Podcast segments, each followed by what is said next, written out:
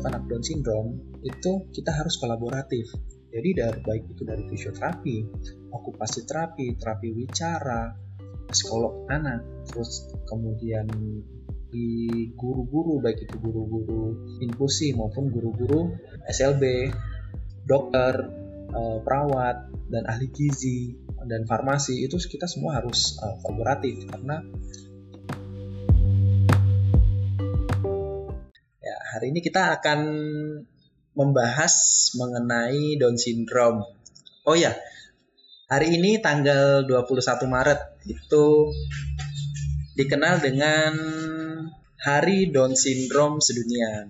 Semoga teman-teman uh, atau anak-anak yang memiliki uh, kondisi Down Syndrome bisa lebih baik lagi, bisa lebih semangat lagi. Terus uh, kita akan sedikit membahas nih mengenai Down Syndrome. Yang pertama kita kenal dulu nih apa itu Down Syndrome. Down Syndrome itu merupakan gangguan genetik di mana uh, kromosom ke-21 itu memiliki kelebihan atau trisomi. Nah, jadi yang harusnya kromosom ke-21 itu hanya satu pasang atau dua kromosom, dia ada tiga, jadi kelebihan satu. Angka kejadian nih, angka kejadian Down syndrome di Indonesia. Berdasarkan data dari SIRS online, angka kejadian Down syndrome di Indonesia itu pada tahun 2015 terdapat uh, peningkatan jumlah yaitu 1657 kasus. Pada tahun 2016 itu meningkat menjadi 4449 kasus. Sedangkan pada tahun 2017 angka kejadiannya itu 4130 kasus. Kemudian apa sih ciri-ciri Down syndrome itu? Nah, ciri-ciri Down syndrome yang paling umum, paling umum kita ketahui yang pertama uh, tingkat kognitif yang rendah. Biasanya uh, IQ-nya 70 ke bawah. Kemudian uh, bentuk wajah, bentuk wajah yang datar, hidung yang uh, datar, uh, daun telinga yang kecil, leher yang pendek, kemudian dah yang sering menjulur, terus kaki dan tangannya yang kecil, tinggi badan. Nah, biasanya tinggi anak-anak dengan Down syndrome ini tinggi badannya di bawah rata-rata. Nah, seperti itu. Kemudian, apa sih gangguan-gangguan yang terjadi pada anak-anak Down syndrome secara umum?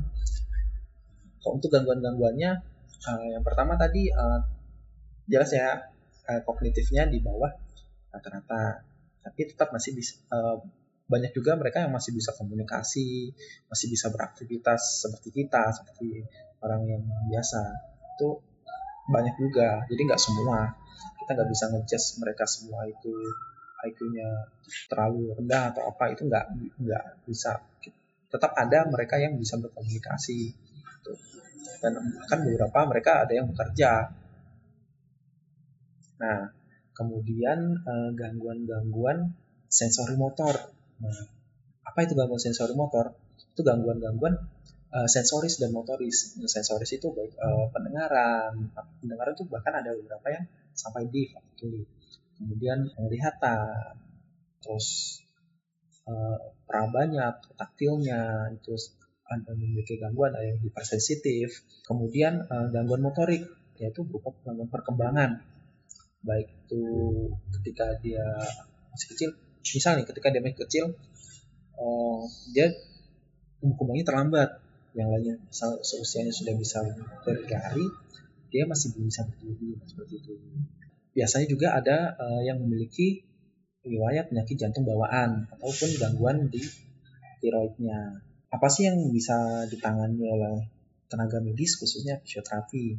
Yang bisa kita lakukan perbaikan sensori motornya dia, keseimbangannya ketika duduk, ketika berdiri, ataupun ketika dia oh ternyata uh, dia ada sendinya terlalu lentur. Jadi meningkatkan resiko jatuh misalnya seperti itu kita bisa uh, membantu memperbaikinya. Dengan catatan fisioterapi tidak bisa berdiri sendiri karena uh, untuk anak Down syndrome itu kita harus kolaboratif.